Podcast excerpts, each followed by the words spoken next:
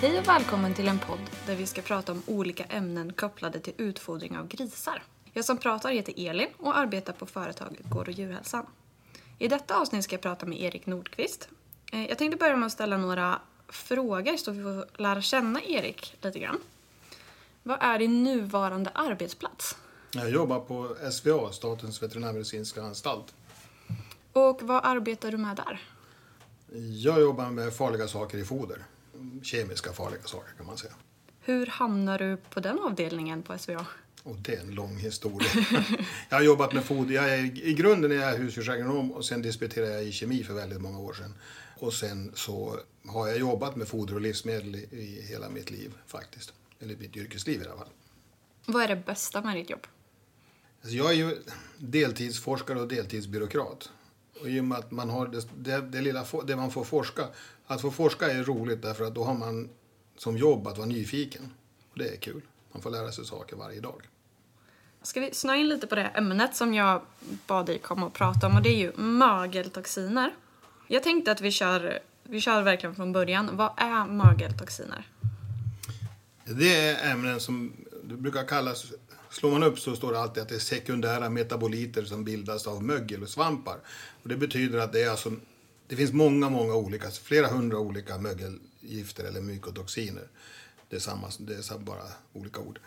Och det är ämnen som bildas av svampar och som bildas... Det här med sekundära betyder ju att de inte är eh, direkt livsnödvändiga utan de kan ha med försvar eller de kan ha med interaktion med andra organismer att göra och så. Och toxiner betyder ju att de är eh, giftiga helt enkelt, mer eller mindre. Vi ska ju inrikta oss på grisar här. Vad är de vanligaste toxinerna som man tänker på i samband med grisproduktion? Ja, det är ju två grupper eller kan man säga, som är vanligast och viktigast. Och det är dels de som kommer av fusariumsvampar som bildas ute i fält. Och eh, de heter DON, eller dioxinivalenol, seralineon eller sen. Och så finns det ett par som heter T2 och HT2-toxiner. Det är en grupp som är vanliga och som påverkar grisproduktion ganska mycket. Och sen finns det ett som heter okratoxin A som bildas vid lagring om man inte sköter sig dit eller om man har otur. Vad är det som gör att grisar är så känsliga för de här mykotoxinerna om man jämför, om man kollar på gränsvärden mot andra djur till exempel? Det har man, det har man liksom noterat att de är. Jag kan inte svara på rent mekanistiskt precis vad det beror på. Men man kan ju tänka sig att om man jämför grisar och idisslare så idisslare har ju sin vom där de har en stor mikrobiell aktivitet där de kan avgifta en hel del av ämnena. Eh, och det har ju inte grisar. Å andra sidan är grisar mycket känsligare än till exempel hästar som ju också är enkelmagade djur. Om vi går tillbaka till de här toxinerna som bildades av svampar. Förekommer de här svamparna i alla typer av foder, spannmål eller spannmålsodling? Eller är det vissa spannmål som drabbas hårdare än andra? Ja, på båda frågorna. De förekommer överallt. Kan man säga. I tempererade zoner så finns de alltså runt om i världen. Så finns de här på väldigt mycket. Men olika sädesslag är olika känsliga. Så att om man säger de vanliga sädesslagen så är ju havre lite mer känsligt än vete. Om man säger, och korn. Men vete å andra sidan generellt sett viktigare sädesslag. Så att det större del av intaget kommer ju från vete ändå. Globalt sett. Majs är också ett ganska känsligt sädesslag. De- Det är mycket som växer på majs. När sker det här svampangreppet ute i fält? brukar man säga att det, de infekteras av svampar i samband med blomningen, det vill säga axgången. Okej. Finns det några, alltså vad är ett riktigt gynnsamt förhållande för en svamp? Ja, de vill ju ha lagom varmt och så vill de ha det fuktigt. Det, det är sådana generella eh, levnadsbetingelser. Det ska finnas mat och det finns det ju i form av växter. Och det ska finnas lämplig temperatur och lämplig fuktighet. Är det torrt så blir det inte särskilt mycket men är det fuktigt så blir det värre. Och måste det, eller blir det automatiskt eh, toxiner när det finns svamp? Eller kan det finnas svamp utan toxiner? Ja, Det kan finnas svamp utan att det är toxiner, det kan det absolut göra. Det finns ingen liksom direkt koppling. Det kan inte finnas toxiner utan att det har funnits svamp. Men, men det är inte säkert att man hittar svamparna bara för att man hittar toxinerna. Och det finns lite olika varianter av svamparna, stammar säger man, som är olika duktiga. Och olika arter som är olika duktiga på att producera olika toxiner. Vart på grödan sker själva svampangreppet och vart är man sen toxinet? Eller de högsta halterna av toxinet? Man brukar säga så att alltså det som fusarium det, det angriper, det kan man till och med se i, i axeln. Om man ser ett kornfält till exempel. Om det är mycket i ett, i ett kornfält så kan man se en rosa ton på, på axeln. Och då kan man ana att det är angripet av, av fusarium. Sen sprider sig toxinerna i plantan. Så att vi har ju sett när man skördar sen så finns det toxiner både i, ofta, både i kärna och i halm. Och det kan finnas mer i halmen. Okej, nu vet vi hur, eller vad, hur den trivs och att den finns i hela växten. Men om man säger att man ska bekämpa och minska risken för det här svampangreppet. Vi börjar med ute på fältet. Vad, vad kan man göra för att minska förekomsten av svamp i fält? Det finns en antal olika åtgärder som man kan göra och de där är samlade i det som heter branschriktlinjer som är framtagna av bland annat Jordbruksverket och branschen. Eller det är branschen som har tagit fram dem och Jordbruksverket som har godkänt dem, så ska vi säga. Det handlar till exempel om växtföljd. Olika växtföljder kan, alltså olika förfrukt kan betyda en del. Eh, jordbearbetning påverkar också hur stor risken är för att det ska bli. Sen har man också sett en del tecken på att det kan vara bra att bekämpa mögel med växtskyddsmedel. Så att man sprutar. Men då gäller det att man gör det precis rätt dag. Det är väldigt svårt. För då ska det vara en, en, i samband med axgången så har man några dagar på sig. Och då måste det ju vara bra sprutväder och det är ju inte så lätt att träffa på. Men gör man det så lär det ha en viss effekt. Jag har inga kvantitativa data på det. Men, men det är en, en åtgärd som man brukar använda ibland. Men spannmålen kan väl också drabbas av mykotoxiner eller toxiner under lagring? Mm. Vi börjar med varför drabbas det under lagring då och inte ute på fält till exempel? Det finns ju olika svampar som angriper som finns på olika ställen. Och när man ser de här som, om man ser det som livsmedels, livsmedelsperspektiv, det viktigaste mögelgiftet är ju trots allt det som heter okratoxin A. Det är det som, när det gäller grisar. Och det bildas framförallt av penicilliumsvampar som angriper och som för, där det finns sporer överallt. Och sen så tar det en, en stund för det här att utvecklas. Det som är speciellt med penicillium eller med, med okratoxinbildning är att det kan ske vid ganska låg temperatur. Det kan ske vid temperatur under 10 grader Celsius. Och då handlar det om att det torkar ner ordentligt. Därför att de här mögelsvamparna kräver ju fukt för att kunna växa. Så att det är viktigt att torka ner och att göra det ganska fort. Så att för att förhindra okratoxin och även för att förhindra uppförökning av fusariumtoxiner, tror man i varje fall, så är det viktigt att man, man snabbt tar hand om sin spannmål. När man har tröskat den så ska den inte ligga veckovis på en platta i tveksamt väder. Då är risken ganska stor att det händer saker. Okay. Kan man också få bildning av sådana här toxiner under utfodring? Alltså i sista ledet kan man säga. Ja, det vet jag, det har jag inte hört särskilt mycket om det utan det handlar framförallt men har man fått, om vi säger att det, haft en, en, det har kommit igång en produktion av, av eller en tillväxt av penicillium under en mellanlagring, eh, mellan skörd och torkning till exempel. Och sen torkar man så det avstannar. Om, man, om det sen blir fuktigt igen, och det kan det ju bli, till exempel på våren om det är kondens eller så. Eller, och det kan ju också förekomma, så att säga, man brukar säga hotspots, det vill säga att eh, där det börjar någonstans, kanske finns en liten fläck någonstans i lagret där, där det händer saker. Det som händer då är att då börjar det växa någonting och då produceras ju värme, vilket är bra för svamparna och dåligt för spannmålen. Och det produceras vatten när man då, i och med den mikrobiella tillväxten. Och då har man fått, och syre finns ju redan, så då har man ju fått betingelser för att det ska växa. Och då kan, man få, då kan det börja växa till på lokala ställen i partierna. Om man säger att man hade ett, eh, ett lager eh, spannmål, då växer det till från penicillinum. Och sen så tar man slut på det, det lagret. Nästa år, när man kör in ny spannmål, kan man då drabbas av att det var dåligt föregående parti? Ja, man kan anta att det finns sporer. Jag menar, det, är viktigt, det är därför det är viktigt att göra rent emellan åren. Så att man ser till det. För att det finns, man vet att det finns mer toxiner och mer sporer i damm än vad det finns i själva kärnorna till exempel.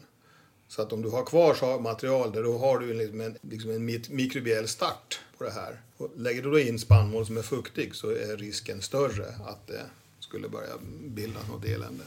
Mm, och då bara en så här sporer. Det är väl det som kommer från svampen.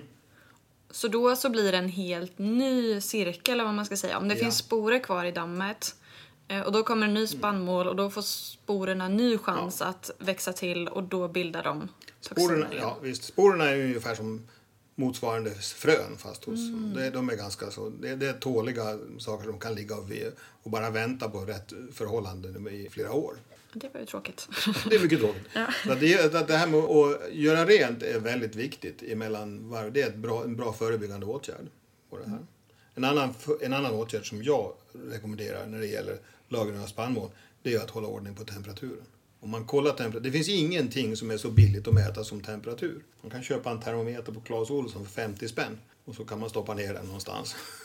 Ja, vart vill du då att man ska mäta Ja, temperaturen? man, i, på olika ställen i lagret så att man har koll på det. Och då ser man om det börjar se att temperaturen börjar ändra sig och börjar bli varmare än det var för nyss, nyss så att säga, eller några dagar sedan, eller en vecka sedan eller så. Då, måste man, då, har man, då har man fortfarande chansen att börja röra om, att lufta, att kyla, att göra saker med så att det inte får ligga still och, och bildas en härd av det här.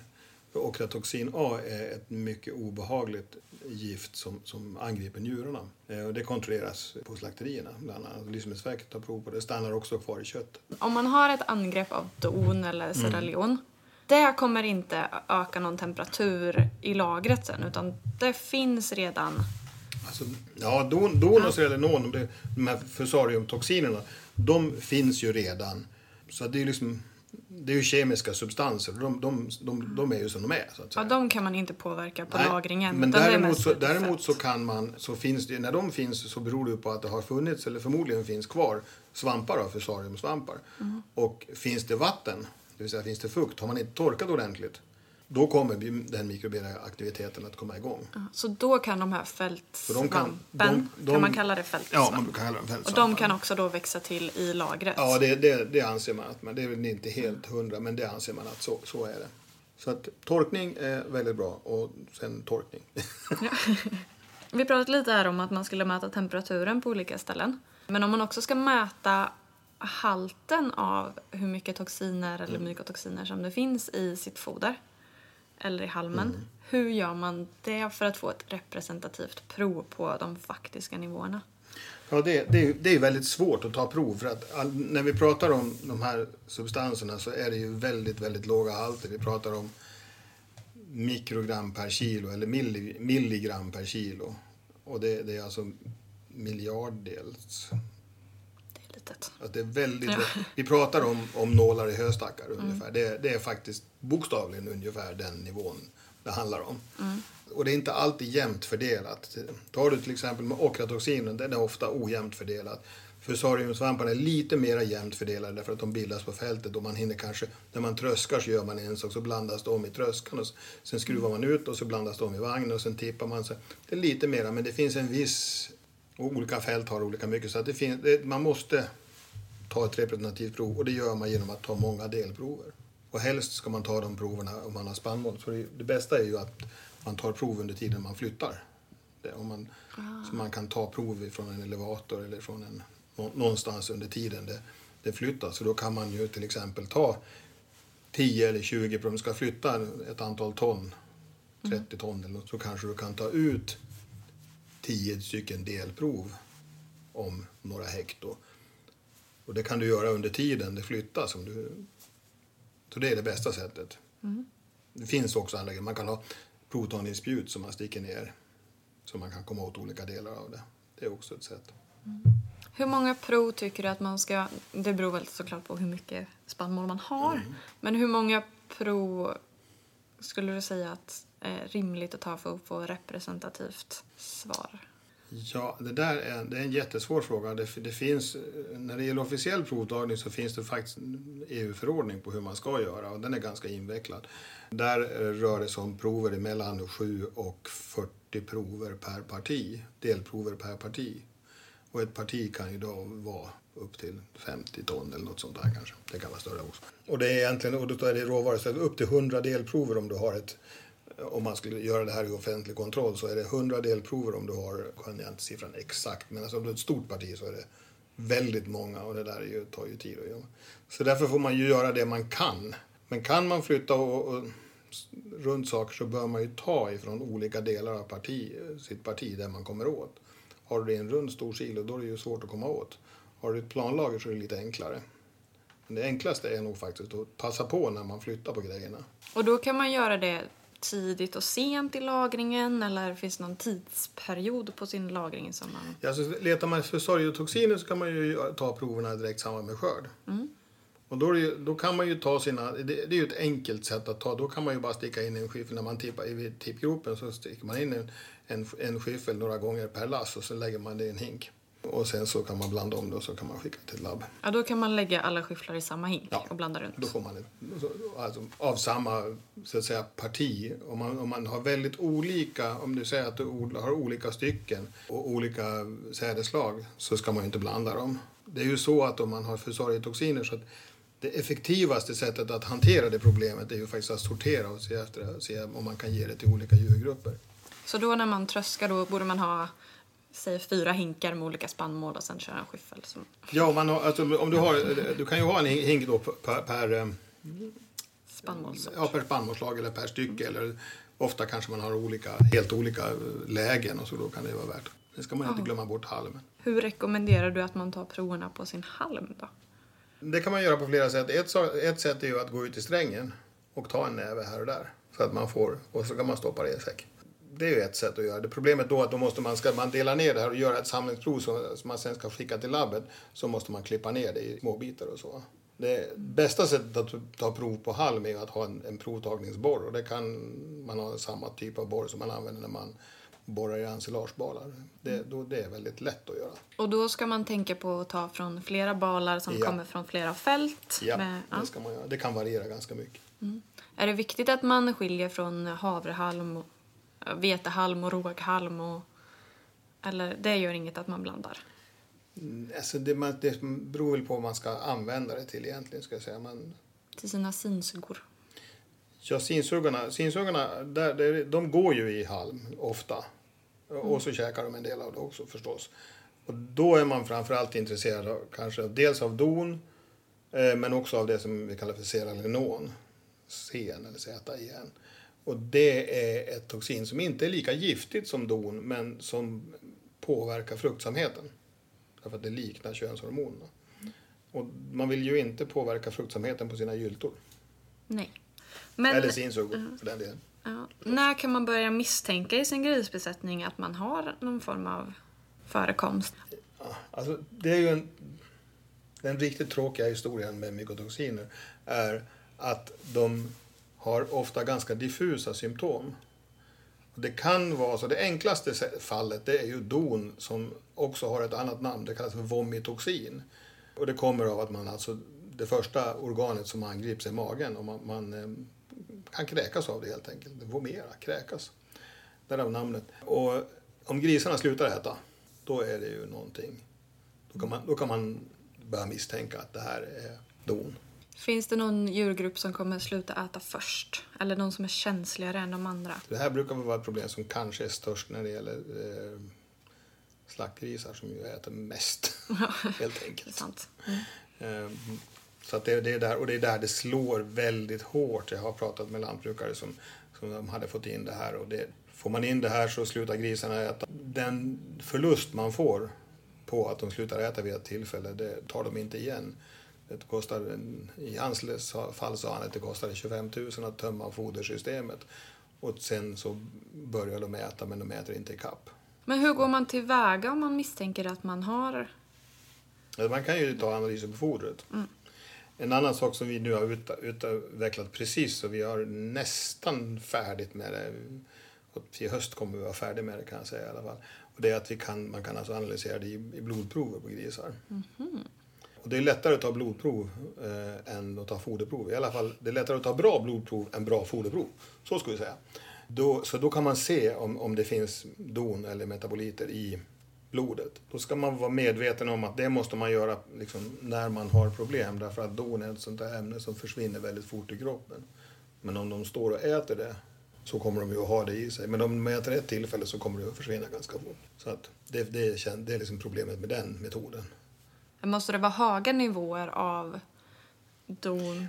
Nej, alltså det behöver ju inte vara höga nivåer egentligen därför grisar är väldigt känsliga. Om man, om man tittar på de rekommenderade värdena för det här så ser man att det, det, är alltså väldigt låga halter på när det gäller grisar. Som jämförelse så säger man gränsvärdet för, för don i livsmedel, i spannmål, är 1250 eller 1200 eh, ppb.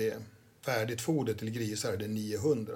Grisar är alltså känsligare än människor i det här läget. Man kan, grisar kan man, jag brukar jämföra grisar med eh, småbarn som lever. De lever på ungefär likadant mat. Alltså välling, välling, mm. De äter ju så att säga, ja. cerealiebaserad kost. Mm. Eh, och därför är ju gränsvärdena lägre för dem, för mm. barn i, i, Sverige också. I EU. Men, så de är känsliga. Det är inte några höga halter som behövs faktiskt. Och det är långt, långt under den gräns som, som man rekommenderar som, en, som för spannmål för foderändamål. Det är ju 8000. Mm. Ja, och då kommer vi ju in här på min nästa fråga om gränsvärden. Lite, vad, hur bestämmer man ett gränsvärde? Ja, ett gränsvärde är ju en kombination av vetenskap och politik kan man säga. Man gör ju en vetenskaplig riskvärdering där man beräknar hur, hur farligt det här är och, och, hur farligt det är för det och den och den liksom arten som ska äta det, om det är folk eller om det är grisar eller hästar. Eller vad det kan vara. Så då gör man en bedömning av den farligheten och sen ser man hur ser verkligheten ut, utan vad, vad finns det att tillgå. Man måste ju sätta ett gränsvärde som är möjligt att, att hålla. Man kan inte sätta ett gränsvärde som gör att det inte finns någon mat. För då har man ju liksom kastat ut barnet med badvattnet på något vis. Så det kan man inte göra. Utan det, det är alltså en, man, man, utgår från en, en, riskvärdering och sen så eh, gör man en, en, politisk en bedömning av någonting som är möjligt att hålla. Där man kan hålla sig på en acceptabel nivå. Som, som är bra för liksom, gris, eller i det här fallet då gris, eller, eller folkhälsan eller vad det nu är som man är. I slutändan är det ju liksom en, nästan alltid ett livsmedelshänsyn eh, man tar. Vad händer om det är mycket toxiner och alltså, kan det påverka personalen på något sätt? Det har jag inte hört talas om. Det är klart att det är teoretiska spekulationer. Kan man, det, det, jag kan inte uttala mig om det egentligen. Det är väl inte beskrivet. Man brukar prata om att mögel, mögel i, finns det ju arbetsmiljögränsvärden för oss i luft. Mm. Eh, och sporer i luft och sånt finns det. Men det finns ingenting för det här. Men det är klart att de finns ju i luften, det gör de. Mm. Jag hörde en teori. För det är väl lite speciellt med årets halmanalyser. Mm. Ja, alltså det... Man kan säga så här att förra året var ju inget fusarietoxinår eftersom det var väldigt torrt. Mm. Och det brukar man förknippa mera med blöta år. Och det, är lite mer, det, brukar också, det finns också en generell eh, geografisk spridning, att det är större risk, om man tar i Sverige, så är det större risk att det finns mycket fusarietoxiner i Västsverige än vad det finns i östra Sverige och södra Sverige. Så att liksom väst, Västra Götalands län är väl det och Värmland är väl där man har liksom haft störst risk kan man säga. Men det har varit några år, för en fem sex år sedan, då det var ganska stora problem. Och det senare har det inte varit jättestora problem. Men det finns en väldigt stor lokal variation. Så att eh, även om man, det är ett fint år, men man kanske har odlingar som kanske ligger nära, eh, alltså sjönära odlingar och sådana saker. Som ändå har ett mikroklimat alltså, som, som då gynnar det här. Samtidigt som det finns tillräckligt mycket med, med sporer av de här aktuella arterna. Det har vi ju väldigt lite koll på. Men vi har ju sett exempel på halm med väldigt höga halter ifrån helt fel håll i år. Ah, mm. Så att det korta och tråkiga svaret är att man vet inte. Det är väl ett svar lika gott som, som annars. Ja, nej, för jag hörde en liten teori om att man har hittat höga nivåer av don i halmen mm. och man har blivit lite överraskad över det för att mm. det var så torrt. Och då hade de en teori om att man inte sprutade fälten i våras eftersom det var så mm. pass torrt. Eh, och därför så har vi höga nivåer av don i halmen just nu. Tror du att det skulle kunna vara en, är det en teori? Som ja, det, det, är ju en, det är ju en teori i alla fall. Eh, men, men jag har inte jag har inga data som skulle stödja den mer mm. kvantitativt. Men eh, det är väl en teori så god som någon på något sätt. Nu är det ju så att den här svampbekämpningen finns det ju inte heller sådär liksom hundraprocentiga belägg för heller. Utan det är, det är när man har en sån här problem som har många orsaker och, och, och, som beror på en massa olika saker och som samverkar och motverkar varandra på ett inte riktigt förstått sätt. Så tar man ju till många åtgärder som, som för, säker, för säkerhets skull så att säga. Så att hur stor betydelse svampbekämpning har Det vet jag inte. Och som jag sa tidigare så är det ju viktigt att man har väldigt litet fönster i tid på sig att göra den här. Mm. Men det är mycket väl säkert så, det vet nog andra bättre än jag, hur mycket man sprutade förra året. Det torrt var det i alla fall, även under blomningen. Men hur funkar det då? Jag tänker om man skickar in sina prov, för ni på SVA någon form av att ni får in prover och sen ser ni hur höga halterna var så ni får någon form av statistik för hur det ser ut? Eller finns det någon sån? Nej, vi har inte någon sån övervakning. Det har inte vi. Branschen är väldigt duktig på det här. De har ett eh, provtagningsprogram och tar väldigt många prover så att den allmänna bilden kan man få eh, via branschen, Föreningen Foder och spannmål bland annat, som eh, tar, och det har under många år nu tagits flera tusen prover. Framförallt på havre men även på annat. Man, så att man ser, om man, det, det, man börjar i Skåne när man börjar skörda och sen så fortsätter man uppåt. Och det, det generella förra året, det är därför jag kan säga att förra året inte var ett fusarietoxinår allmänt. Därmed inte sagt att man här och där kan hitta höga halter ändå. Men då är det spannmålen de kontrollerar? De kontrollerar spannmålen. Kan det vara låga halter i spannmålen men höga i halmen? Så det kan vara högre i halmen, det kan absolut vara. Jag har svårt att tänka mig att det skulle vara tomt i kärnan och fullt i halmen. Men att det kanske är dubbelt så mycket i halmen, det kan man nog tänka. Så det har vi sett att det kan vara. Skulle man kunna skala ett dåligt parti med havre till ja, exempel? Jo, så, så, är det. De här eh, möglet angriper ju från utsidan. Det kommer ju från utsidan i huvudsak. Så att det finns mer i de yttre delarna. Det gör det. Och det där eh, brukar eh, livsmedelsindustrin, jag har varit på ett antal möten där, där livsmedels Eh, industriernas företrädare säger att det är inte något problem eftersom de behandlar sina, när de gör frukostslingor till exempel, så behandlar man, då tar man bort de yttre delarna. Och då får man lägre halter av i stort sett alla mögelgifter.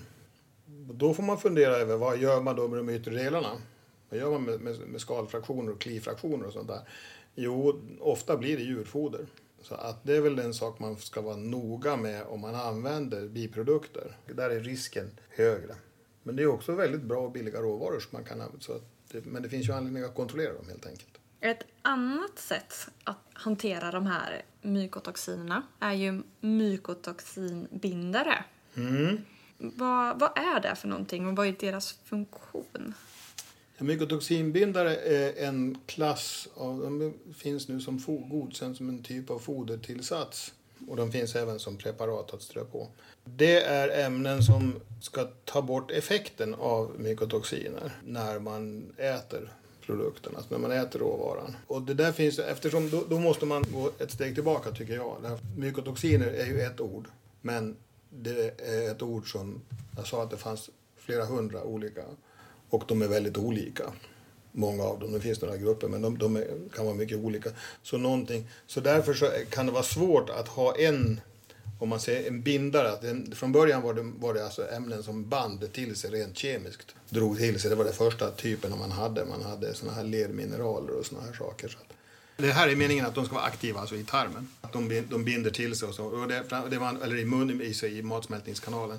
Från början så, så, tror jag att man använde faktiskt det här, just den här typen av lermineraler när det gällde mm, för människor och det gäller alltså väldigt svårt infekterade, svårt kontaminerade jordnötter och den, sån typ av, framförallt i, i, i Västafrika och i Nordafrika där finns det ganska stora problem med aflatoxin.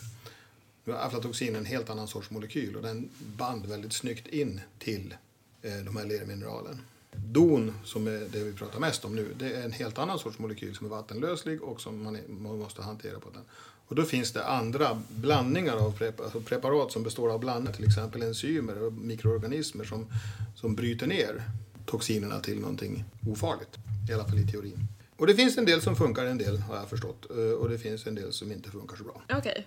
Men det man ska tänka på är att man ska tänka vilken mykotoxin ja. är det jag bekämpar. Och det, och det är ju nästan alltid don eller möjligen okratoxin som man gör det och de är också ganska olika i sig. Så att därför de preparat som jag vet finns på marknaden som kanske de marknadsledande de innehåller flera olika komponenter. För det är nämligen så här att det står i lagstiftningen att man får alltså inte använda mykotoxinbindare på, på foder som är så kontaminerat så att man inte får använda det det gäller till exempel, där det finns ju gränsvärde för aflatoxin. Och det, och det är så lågt satt, det gränsvärdet. Så att där är inte mykotoxinbindarna särskilt meningsfulla därför att man får ändå inte använda dem. att säga. Medan det, jag vill säga, gränsvärdet i, i foderråvaror för aflatoxin är 20 mikrogram per kilo. Medan de rekommenderade värdena för, för don är ja, 900 eller någonting sånt där va? till grisar. Så det finns en annan spel och dessutom är det inte lagkrav utan det är rekommenderat. Så finns det ett annat spelrum när det gäller, när det gäller don, vilket då är en fördel. Och sen finns det kanske lite kemiska nackdelar. Men det, det finns och de har en viss effekt. Jag kan inte säga exakt hur stor. Är en ganska eh, svår fråga kanske, men vi har ju, står ju inför lite klimatförändringar här.